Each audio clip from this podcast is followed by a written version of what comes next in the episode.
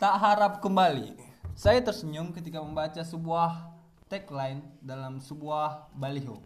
Tiket menuju surga. Yang ternyata berisi ajakan untuk bersedekah dan menyantuni anak yatim.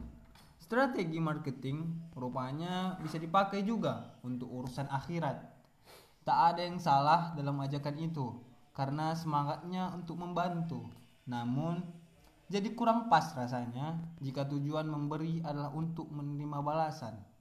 Mengharapkan balasan akan membuat kita marah sekali ketika orang yang pernah kita tolong tidak balas menolong saat kita tertimpa musibah. Ikhlas hanya di mulut saja. Kita bisa sangat tersinggung ketika mendengar ucapan terima kasih atau pujian. Manusia memang makhluk transaksional dengan Tuhan pun bisa hitung-hitungan. Ketika memberi santunan, bukan cuma pujian yang kita harapkan, kita juga ingin diberi label dermawan. Tanpa sadar, kita juga menuntut Tuhan untuk memberi kemudahan. Kita berharap lewat doa anak yatim dan doa orang miskin diberi berkat oleh yang di atas.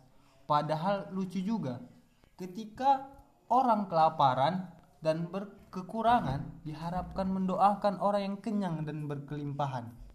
Berpuasa dan beribadah pun acap kali kita pertontonkan. Alasan malu sering lebih kuat daripada keinginan berpuasa itu sendiri. Mulut kita sering bilang ikhlas, tapi di dalam hati sedang berlaku hukum dagang.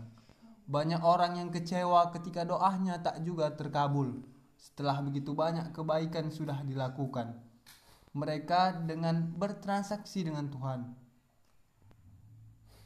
Giving without reason hanya memberi tak harap kembali.